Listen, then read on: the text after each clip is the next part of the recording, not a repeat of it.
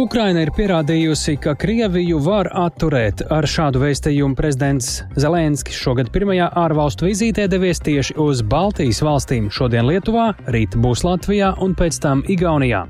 Vairāk nekā miljons eiro varētu izmaksāt velo novietņu ierīkošana visos 32 jaunajos elektrovilcienos. Sociālo platformu lietotāji ir neizpratnē un jautā, kāpēc izmaksas ir tik lielas.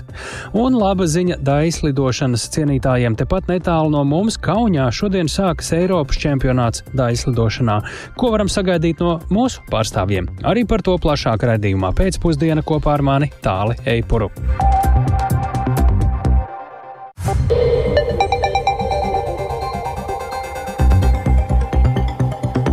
Pūkstens rāda 16,5 minūtes, skan pēcpusdienas ziņu programma skaidrojot šodien svarīgus notikumus. Studijā Tāls Eipurs. Labdien! Reizeknē notikusi dubulta slepkavība par divu vīriešu nogalināšanu aizdomās tur 3, 14 un 15 gadus vecus pusauģus. Viņi jau ir apcietināti, notiek izmeklēšana. Notikušais ir šokējis ne tikai vietējos iedzīvotājus, un vairāki apstākļi liek jautāt, vai noziegumu varēja novērst.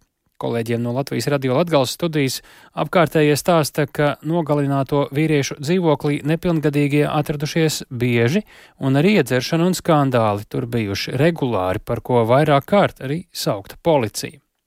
Šobrīd esam sazinājušies ar kolēģi Madaru Bērtiņu. Sveika, Madara! Kā tas varēja būt, ka 14, 15 gadus veci pusauģi šķiet netraucēti lieto alkoholu svešā dzīvoklī? Vai atbildīgie dienesti par to bija informēti?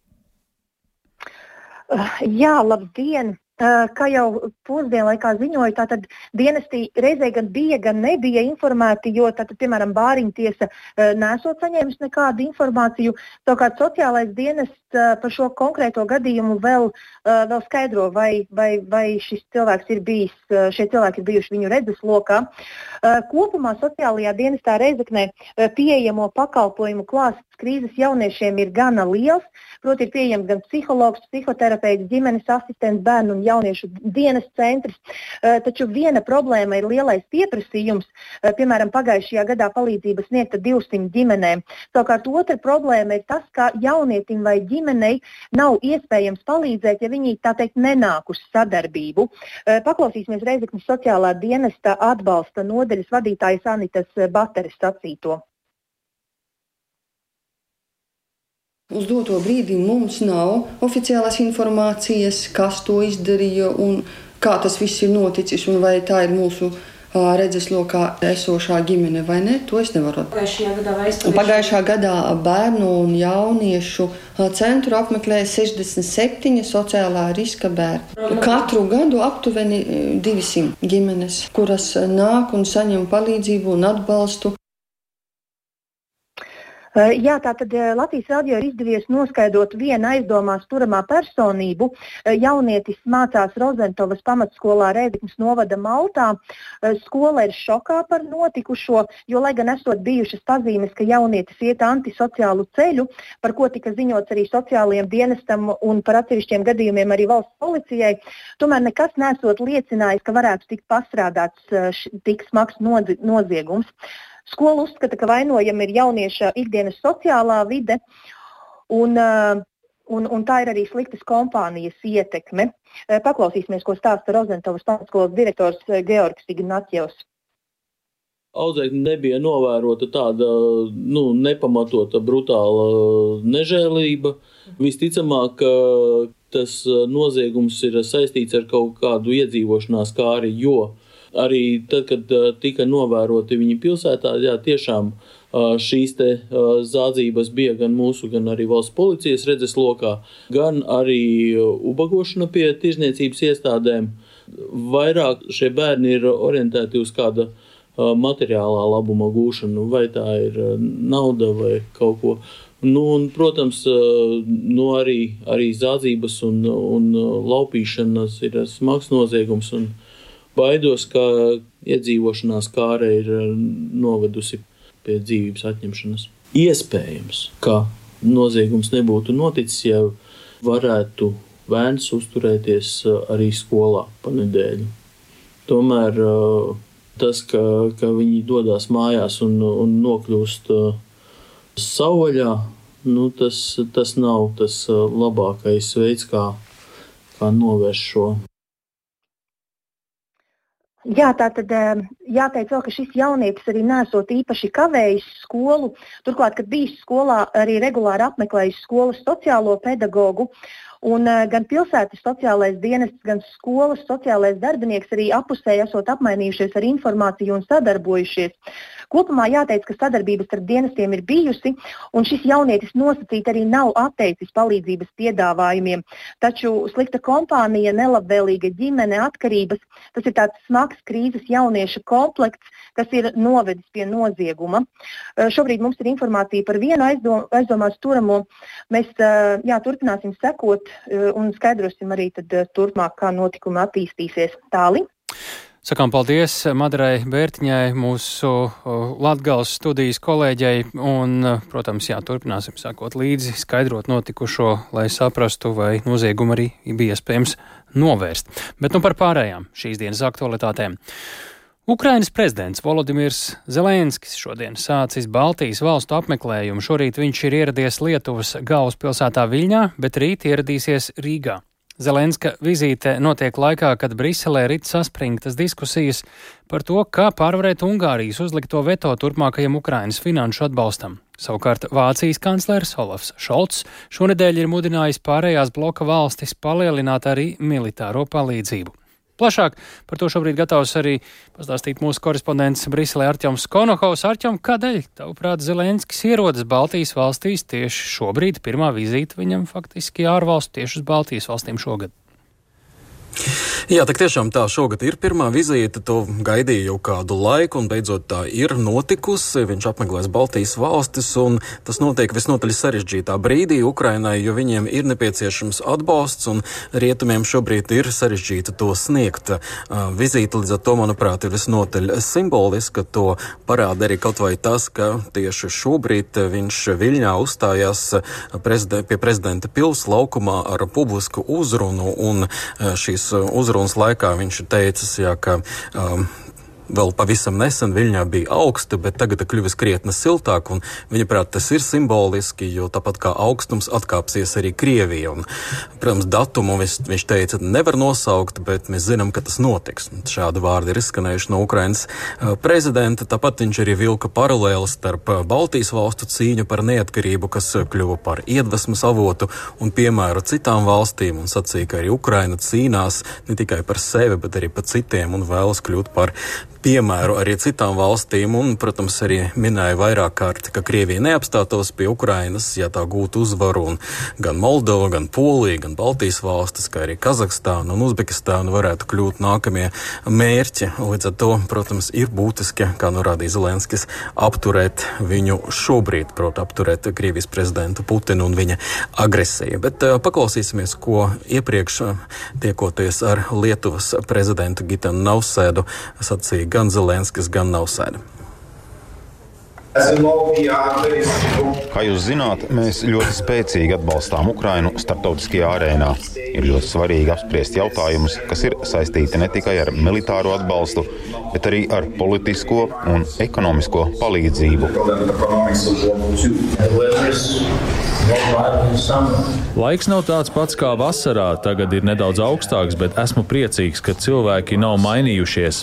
Mēs esam ļoti pateicīgi par Lietuvas atbalstu, pateicīgi jūsu komandai un lieliskai sabiedrībai. Paldies par jūsu silto attieksmi pret mūsu cilvēkiem. Mēs esam pateicīgi par jūsu atbalstu, to starp militāro. Jā, un tā atsauce uz vasaru, ko Zelenskis ir sacījis, tā, protams, ir atsauce uz pagājušā gada vasarā notikušo Viļņā NATO samitu, kur viņš ir arī apmeklējis un kur arī pēc tam ir uz, uzstājies ar līdzīgu publisku uzrunu iedzīvotājiem. Tāli. Jā, Arčom, pieminējām arī Vācijas kancleru Olafu Šolcu. Kurām valstīm viņš galvenokārt uz kurām ir tēmējis uh, savu aicinājumu piešķirt Ukrainai vairāk ieroču, vai tas ir saprotams?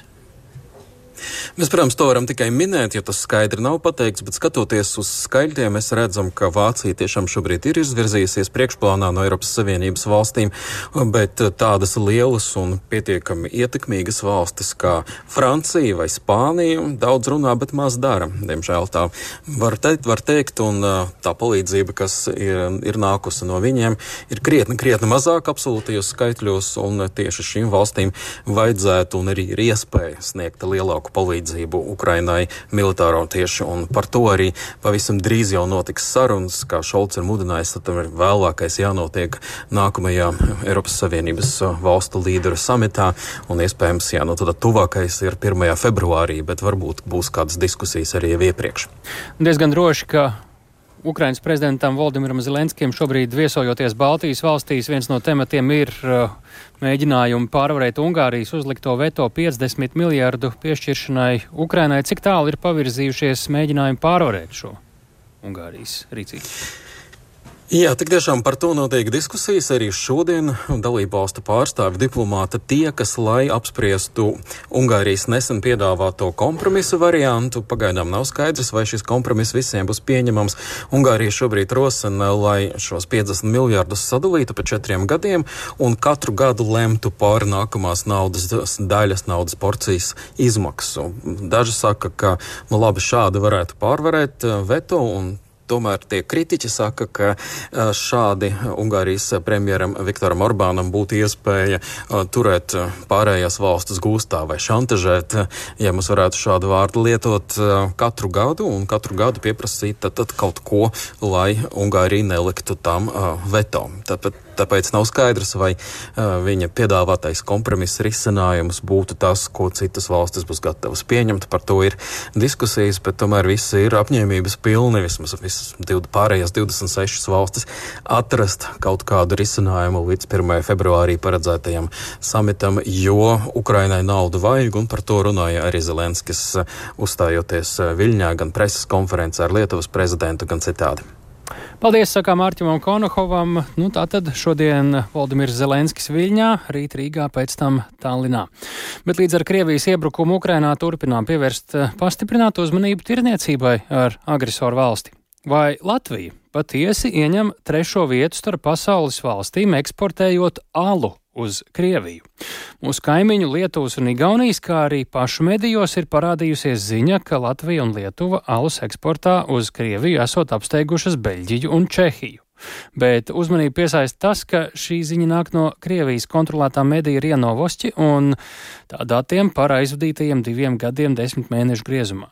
Vai tiešām šī Informācija ir patiesa, un ko par to saka nozars pārstāvji, skaidrojusi kolēģi Agnija Lāsdiņa sākumā. Agnija, lūdzu atgādini klausītājiem, kas tad vispār bija teikts šajā no Krievijas nākušajā ziņā. Labdien! Jā, tad uh, Krievijas mēdījā norādīts, ka lielākā alus piegādātāja Krievijai pērn bijusi Vācija, kuras piegāžu apjomi veidojuši vairāk nekā trešdaļu no visa Krievijas alus importa. Tālāk sekojot Lietuva, kas alus piegāžu ziņā pērn veidojas vairāk par 15% no visiem eksportētājiem, taču trešajā pozīcijā esot ierindojusies Latvija, kas pērn eksportu esot palielinājusi gandrīz četras reizes, sasniedzot ap 34 miljonu dolāru peļņu. Un tad zemkopības ministrija ir izvērtējusi Eiropas Savienības statistikas biroja Eurostat datus, kas šobrīd ir pieejami par pērnā gada pirmajiem desmit mēnešiem. Un dati liecina, ka Latvija uz Krieviju ir eksportējusi alu 32 miljonu eiro vērtībā. Kopumā tas veido 15% no visa Krievijas alus importa, un šāds eksports no Latvijas uz Krieviju ir pieaudzis tieši pērn, jo 2021. gadā šī eksporta vērtība bija desmit reizes mazāka zemāka kā šobrīd.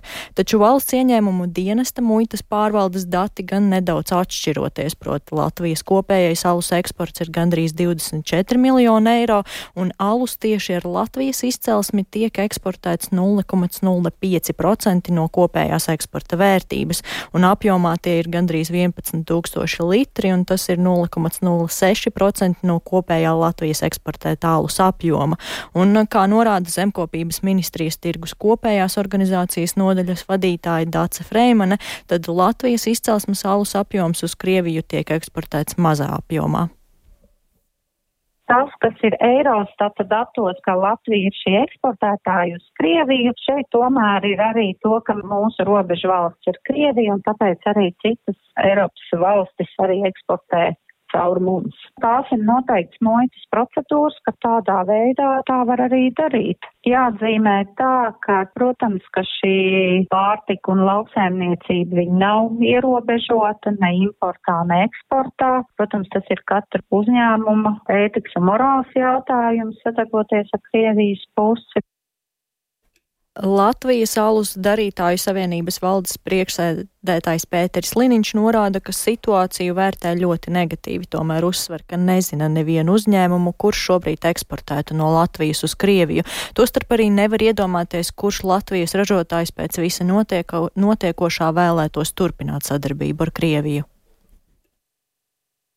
Ja šī informācija ir patiesa, kas, protams, būtu jāpārbauda, tad es uzskatu, ka tas būtu pēc iespējas īsākā laikā jāpārtrauc, līdzīgi kā šobrīd notiek sarunas. Es pieļauju, ka varētu salīdzināt šo ar uh, jau visiem zināmo graudu importa stāstu, un tālāk jau ir jāskatās, vai ir veicami konkrēti grozījumi tiesiskajā regulējumā. Katrā ziņā šādi procesi būtu pēc iespējas ātrākā laikā jāpārtrauc, jo tie nekādā veidā nedod labumu Latvijas ekonomikai ekonomikai galvenokārt jau ļoti negatīvu vērtējumu no morālā aspekta.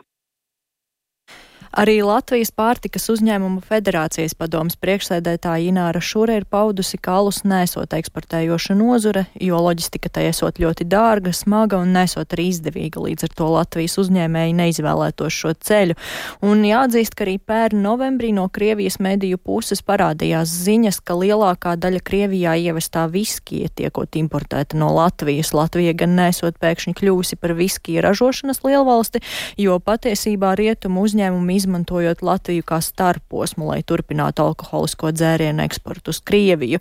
Tāpat līdzīgi jau iepriekš ir arī ziņots, ka Latvija un Lietuva kļūšas arī par vīna eksporta līderēm uz Krieviju, arī tādu pašu apstākļu dēļ, proti, ka rietumu piegādātāji bieži vien nevēloties riskēt un uzrādīt Krieviju kā piegādes galamērķi. Nu, jā.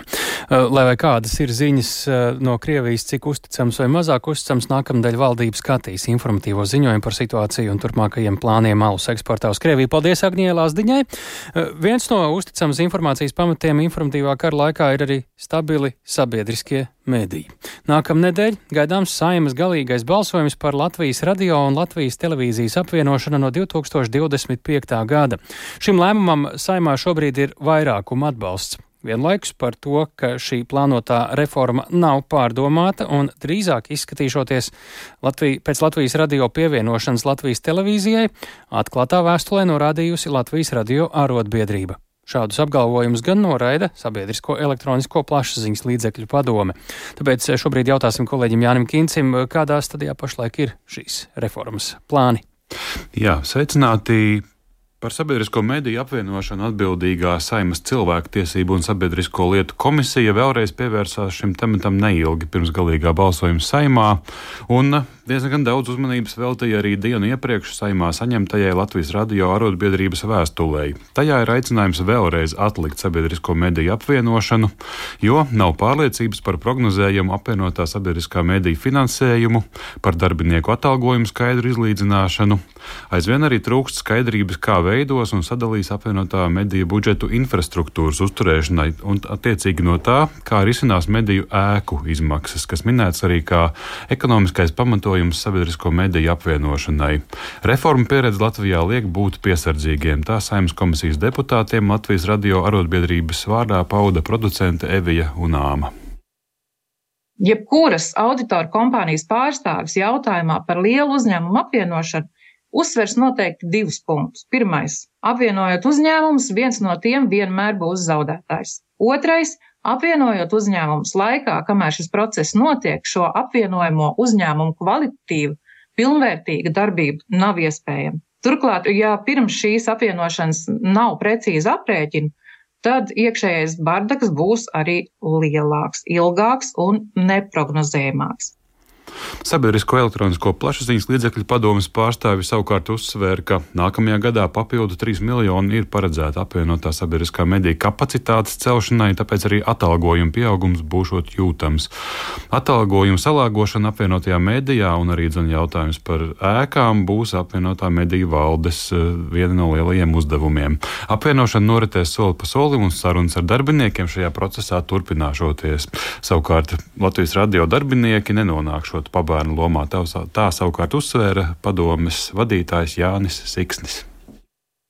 Piemēram, ka mēs būtu kādreiz teikuši par to, ka radio ir tehnoloģiski jāpielāgojas televīzijas vajadzībām, nu tieši otrādi. Nu, mēs jau, jau no pirmās dienas jau, jau secinājām un vienmēr esam zinājuši, ka tehnoloģiskās vajadzības radio platformai un televīzijas platformai ir pietiekami atšķirīgas, lai tur nekādas apvienošanas nevarētu būt. Un tāpēc arī mēs zīmējām iespējamos vienoto telpu scenārijus, ka katram ir jāparedz savu studiju. Bet tas, kur gan ir abiem kopā jāstrādā, tā ir atkal nu, digitālā platforma. Un vēlreiz tādēļ ir šī apvienošana. Arotbiedrība gan arī atsaukusies uz Latvijas radio darbinieku aptaujas datiem, kuros 84% radio darbinieku neatbalsta sabiedrisko mediju apvienošanu, savukārt 91% darbinieku pauduši bažas, ka mediju apvienošanai finansējumu nepietikšot. Te jāpiebilst, ka Latvijas radio valde atbalsta sabiedrisko mediju apvienošanu, ja tā vadīta caurskatām un ar skaidriem mērķiem, un vienlaikus valde mudina racionāli ieklausīties šajās darbinieku bažās. Mhm. Nu, ko, viena no visatbildīgākajiem šajā procesā ir uh, Saimnes cilvēktiesību un sabiedrisko lietu komisija, ko ņemot vērā šajā pieminētajā vēstulē paustās bāžas, uh, tad uh, saka šīs komisijas deputāti par abu sabiedrisko mediju apvienošanu. Deputāti arī šo, šīs dienas sēdē apņēmās pievērst uzmanību, lai tiktu ievērotas darbinieku intereses un pildītas līdzinējās vienošanās. Tomēr atlikt apvienošanas procesu deputāti nevēlas, un, kā jau minēju, tā, šobrīd tam arī šķiet ir saimnes vairākuma atbalsts. Eh, savu pozīciju paskaidroja saimnes cilvēktiesību un sabiedrisko lietu komisijas vadītāja Leila Rasima no progresīvajiem. Mums valsts tiešām ir svarīgi, spēcīgi sabiedriskie mediji, un mēs viesojāmies gan Igaunijā, gan Lietuvā. Mēs redzējām paši savām acīm, kādi ir iegūmi, ka mediji tika apvienoti vienā uzņēmumā. Protams, viņiem ir savas tās redakcionālās neatkarības, un arī šajā gadījumā pēc apvienošanās mums ir svarīgi, ka ir programmu dažādība.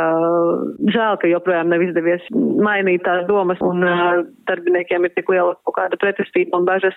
Tas ir tas, ko es no komisijas vadītājas puses arī varu solīt, ka mēs turpināsim sekot līdzi. Un svarīgi, lai darbinieki arī jūtas iesaistīti, sadzirdēti un lai ne, nepasliktinās viņu dzīves šī visa rezultātā.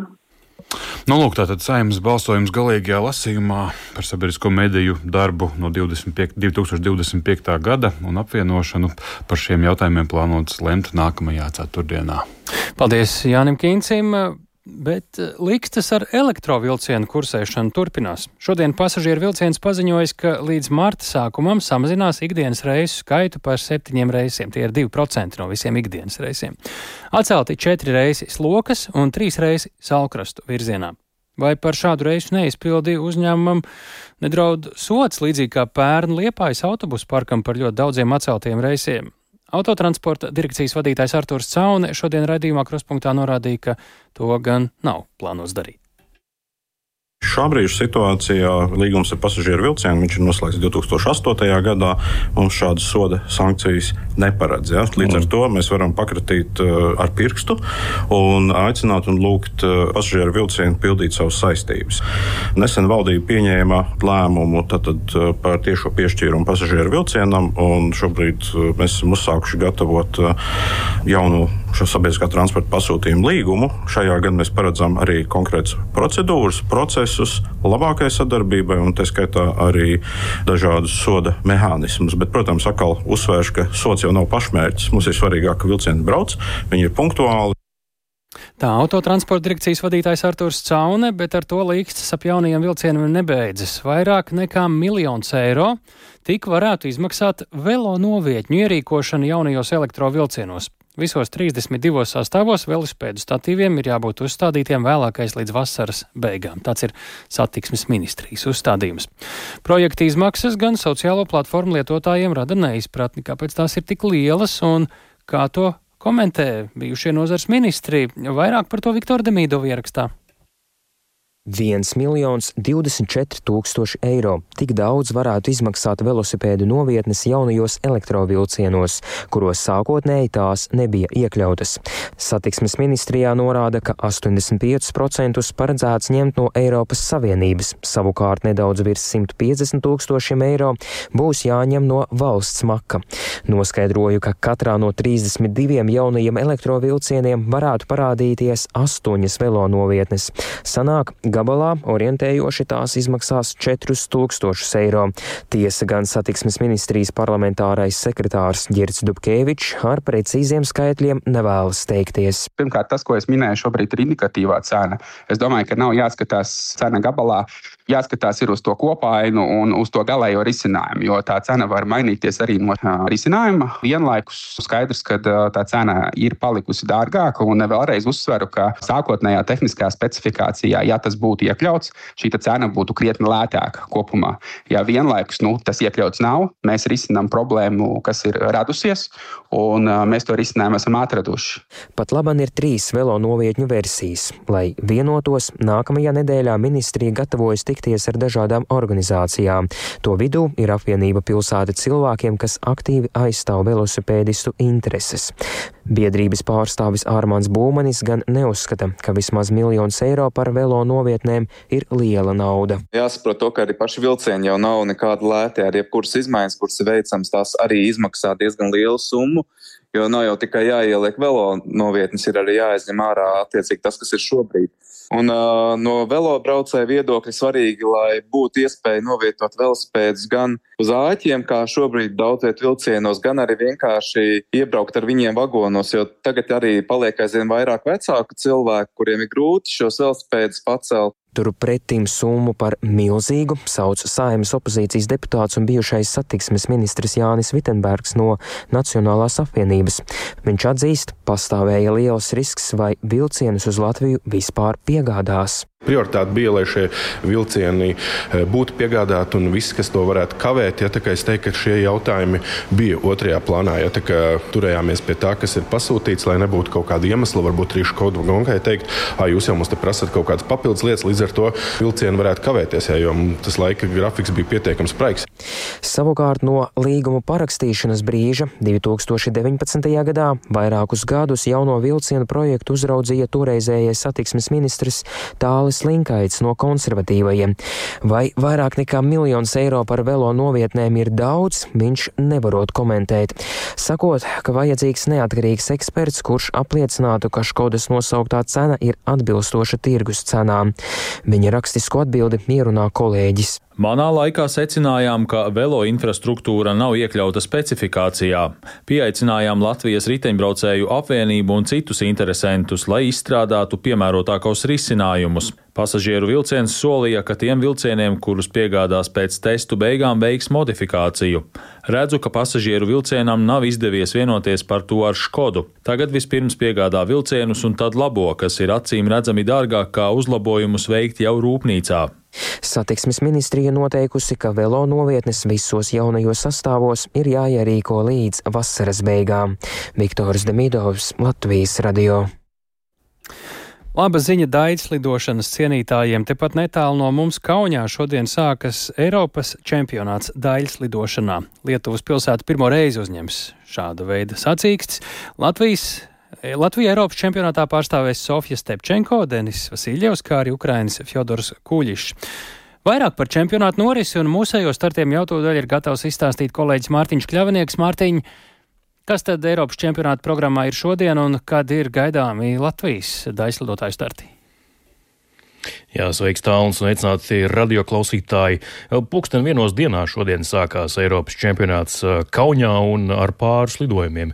Arī so programmu tas viss um, sākās, aizsākās, nu, bet tieši šobrīd notiek atklāšanas ceremonija oficiālā, kur tad arī ar paraugu demonstrējumiem dažādiem tiek atklāts.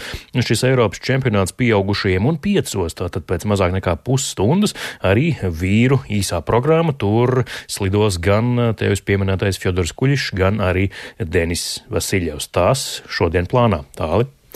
Jā, nu, kādi tad ir Latvijas pārstāvju mērķi vai prognozes par viņu iespējamām vietām, sasniegumiem vai Eiropas čempionātā?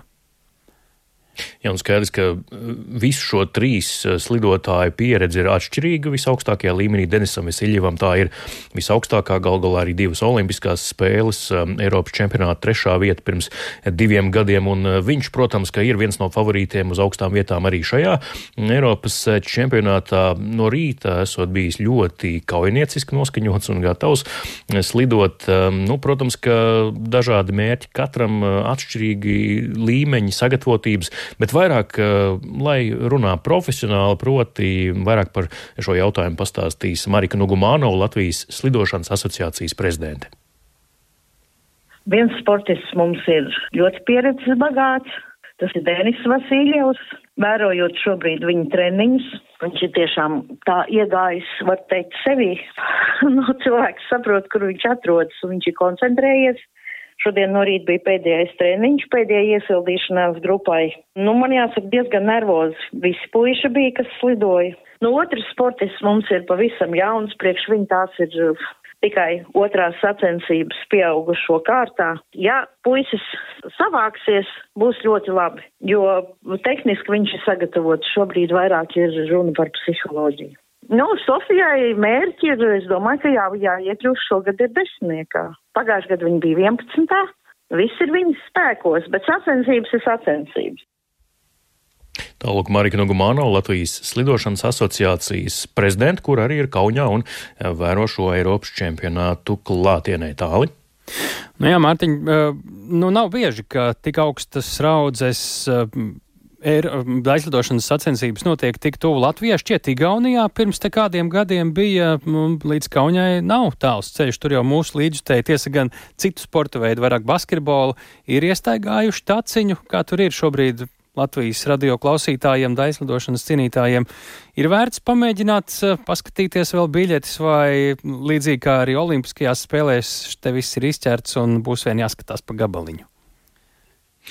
Cik es vēroju televīzijas ekrānā šodien, vismaz pāris lidojuma programmu laikā, tribīnas bija gana piepildītas, bet brīvas vietas vēl varēja redzēt. Un eh, tu pieminēji jau Kaunas žāģiras basketbola fanus, kur bieži vien brauc uz Eirolandes spēlēm mm, Kaunijā. Eh, tieši Kaunas Žalgiris arēnā arī notiek eh, šīs te eh, slidošanas sacensības Eiropas čempionāts, tā kā tie, kuri bijuši ir uz Žalgiris spēlēm, jau zina, uz kurien jābrauc un kur jātēmē, noteikti ir vērts, un es arī iemetu acis tajā, vai biļets vispār ir pieejams. Nu, piemēram, 12. janvāris pēc divām dienām, kad Denis Vasiljevs, arī Fjodors Kuļš cerams slidos mm, arī mm, savā izvēles programmā, tātad otrajā posmā sacensībās un cīnīsies par visaugstākajām vietām Eiropas čempionātā čempionātā diezgan daudz brīvu vietu vēl ir Kaunas arēnā, tā, skatoties šajā konkrētajā mājaslapā, kas tirgo biļetes, lētākā 24 eiro. Es domāju, tas ir ļoti demokrātiski šādu visaugstākā līmeņa sacensību vērošanai. Nu, protams, ka cena var izaugt arī līdz pat 70 eiro, bet kopumā nav nemaz tik dārgi, ja mēs tā skatāmies, un ja vēlties ekskursiju uz Kaunu, piemēram, nedēļas nogalē, tad to var darīt. Ja mums vēl kāda minūte ir, es tev pajautāšu, nu, runājot par uh, mūsu favorītu Denisu Vasīļievu. Uh, viņš, uh, ja ir bijis reiz jau Eiropā bronzas, uz bronzas pakāpiena, nu, šoreiz, kā tu teiktu, kas būtu veiksme un kas būtu jau varbūt arī tas, kur Denisam būtu varbūt jānopūš, uh, zinot viņa līmeni šobrīd? Jā, nu iepriekšējā Eiropas čempionātā Denis finišēja piektajā vietā. Tas bija tāds pakāpiens zemāk pēc eh, trešās vietas Tallinā pirms diviem gadiem. Nu, noteikti ir jātēmē uz to trīnieku, un eh, tas noteikti ir Denisam pa spēkam. Arī vēroja viņa slidojumu Latvijas čempionātā šepat mm, Rīgā, vienā no halēm decembra vidū. Izskatījās pārliecinoši, jā, tie četrkāršie lecieni vēl nesanāca. Daži labi apmali pēdiņās arī noķēra sacensību laikā, bet kā jau Marika, Marika Nugumānov sacīja, tad mm, vismaz psiholoģiski psiholoģiski izskatās, ka Kaunijā šobrīd Denis ir gatavs sasniegt kaut ko lielu. Nu, skatīsimies, kā iznāks ar tiem tehniskajiem elementiem. Atgādinu to, ko saka jau droši vien daudzi mm, daļsadošanas speciālisti ar vienu ar vienu, ka bez četrkāršiem lecieniem augsts vietas šādās sacensībās nesasniegt, tā kā tie būs jāizlec un jāizlec iespējami tīri. Tāli. Un tas ir izaicinājums arī visaugstākās raudas sportistiem. Sakām lielu paldies Mārtiņam Kļaviniekam. Tātad jau šajā uh, nedēļā šodien tātad sākas Eiropas čempionāts daislidošanā, un tas notiek tepat netālu Kaunijā. Bet lielo mūzikas balvu par mūža ieguldījumu saņēmis uzreiz divi mākslinieki - komponists Vilnis Šmītbergs un pianists Ārnis Zandmanis. Šodien izziņoti pretendenti uz augsto apbalvojumu arī citās kategorijās. Gada jaunais mūziķis, gada jaundarbs kategorijā par izcilu interpretāciju, gada ansamblis, gada kamera izrāde un gada koncerts, un balvu pasniegs arī par izcilu, sasniegu, izcilu sniegumu gada garumā. Vērtēšanai šogad ir bijis ļoti daudz ko vērtēt žūrijai, jo aizdītajā gadā Latvijā ir izskanējuši teju 500 valsts koncertu organizētāji rīkoti koncerti, un šobrīd pie mūsu klausulas Gunārs Čirsis, Latvijas koncertu valdes loceklis, lielās mūzikas balvas viens no rīkotājiem. Labdien! Labdien. Nu, kā notika nominantu un kā notiks balvas saņēmēju izraudzīšanās 500 koncertu, tas nu dien nu, neizklausās eh, maz nelielajai Latvijai. Protams, tas ir daudz, bet eh, jāsaka, ka nu, ne jau vēl Latvija ir tiešām kultūras zeme un, un ir ceļš mūzikas zeme, kurā mūzika mīl. Arī, protams, mūsu mūziķi ir slaveni visā pasaulē. Ļoti liels prieks, ka arī šeit, Latvijā, viņi koncerti vienmēr ir piepildīti un, un koncertu rīkotāji ar, ar ļoti lielu atbildību arī dara savu darbu. Tā kā, tā kā tiešām šis skaits ir iespaidīgs. Un eh, es vēlos teikt tikai vislielākos atzinības vārdus žūrijai, kurai bija ļoti, ļoti sarežģīti izvēlēties gan fiziski apmeklējot koncertus, gan arī beigās beigt šo atlasi, bet arī izmantojot gadījumu, teikšu milzīgi paldies arī Latvijas rādio par, gan par ierakstītajiem koncertiem, jo tas arī ir milzīgs atbalsts žūrijai. Latvijas radio, īpaši Latvijas radio 3 klasika, dalība šajā procesā vienmēr ir bijusi neatņemama sastāvdaļa. Žūrija izraudzījās tātad šos nominantus tālāk, kā notiks vērtēšana. Tā pati žūrija jau vērtēs šos nominantus uh, vēlreiz, vai kā, kā tas būs? Tātad šie ir šajās kategorijās, jūsu jau nosauktajās kategorijās, katrā ir trīs nominanti. Izņemot uh, par mūža ieguldījumu, arī, arī protams, ārkārtīgi cienījami mūziķi. Uh, un tālāk jau līdz uh, balvas pasniegšanai, kas notiks 12. martā, arī, arī gan ar Latvijas Rādio 3 klasiku palīdzību, gan Latvijas televīzijas palīdzību mēs daudz runāsim par šiem nominantiem.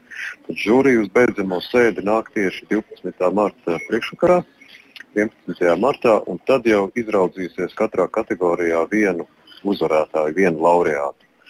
Nu, lūk, tātad mums būs divi mūža balvas laureāti un septiņi laureāti katrs savā kategorijā. Mm -hmm. Komponists Vilnis Šmītbergs un pianists Arnis Zandmans viņi abi ir izpelnījušies pagodinājumu lielo mūzikas balvu saņemt par mūža ieguldījumu.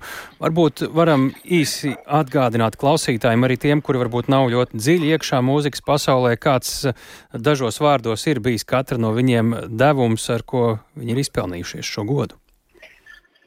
Mm, jā, nu, ja mēs runājam par, par komponistu Vilnu Šmītbergu, tad nu, absolūti unikāla personība Latvijas mūzikā. Un, eh, nu, šobrīd, beidzamajos gados, protams, vairāk mēs Vilnu Šmītbergu zinām kā akadēmiskās mūzikas komponistu, gan ar simfoniskiem darbiem, gan kora darbiem, bet eh, atcerēsimies, ka pašā sākumā viņš bija viens no grupas katedrāla dibinātājiem un arī mūziķiem, un faktiski no tā arī izaug mūsu, mūsu latviešu roka mūzikas un arī popmūzikas faktiski šie visi sasniegumi un arī šī, šī vēsture nekādā ziņā nav uh, atraujam no viņa Šmītberga. Un, protams, arī pianists uh, Arnis Zandmanis, nu, gan pats kā pianists, bet, uh, bet noteikti es domāju, šajā brīdī gavilē visi viņa neskaitāmie studenti, jo, jo tādu paudzi pianistu izaudzināt, kā, kā profesors Zandmanis spējas ir savā mm, profesionālās darbības laikā, tas ir vienkārši fantastiski un, un tiešām tiešām man ļoti, ļoti liels prieks gan par Vilu Šmītu, gan par uh, Arnu Zandmanu. Ja mums vēl pusminūte laika. Lielās mūzikas balvas pasniegšanas ceremonija Allaži ir scenogrāfiski un mākslinieciski bijis tāds saldais ēdiens mūzikas cienītājiem. Tas gan vēl tikai martā, bet varbūt jau varam pa priekškaras spraudziņu ielūkoties, ko varam sagaidīt. Jā, nu tas, uh, pats, pats process notiks tagad tā, ka šobrīd mums ir zināmi nominanti, un mēs uh, ļoti tuvākajā drīzā laikā ar viņiem visiem sazināmies. Tad beidzot var tikai sākt to visu. Nu, jā. jā, tagad mēs varam sākt veidot, un, un, un tad jau redzēsim, kā, kādas būs iespējas un, un ko mūziķi būs sagatavojuši.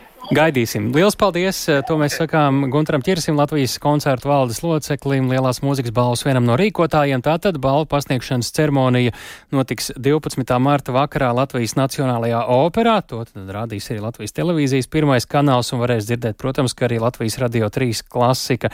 Bet balsojumi par Delfi auditorijas simpāniju, simpātija norisināsies no 19. februāra līdz 10. martam, piedāvājot tik vienam izvēlēties savu favorītu no Lielās mūzikas balvas nominantiem. Šis bija ziņu raidījums pēcpusdiena. To veidojām mēs Tālis Eipurs, Ilza Agīnta, arī Ulds Grīmbergs, Mārtiņš Paeglis. Ja vēlties šo raidījumu klausīties sev vērtā laikā vai dalīties ar citiem, to var atrast Latvijas radio mobilajā lietotnē un arī, protams, raidierakstu lielākajās platformās mirkli vēlāk. Meklējiet dienas ziņas. Mēs tiekamies rīt, kā katru darba dienu pēc ziņām 4 un 5. Yeah.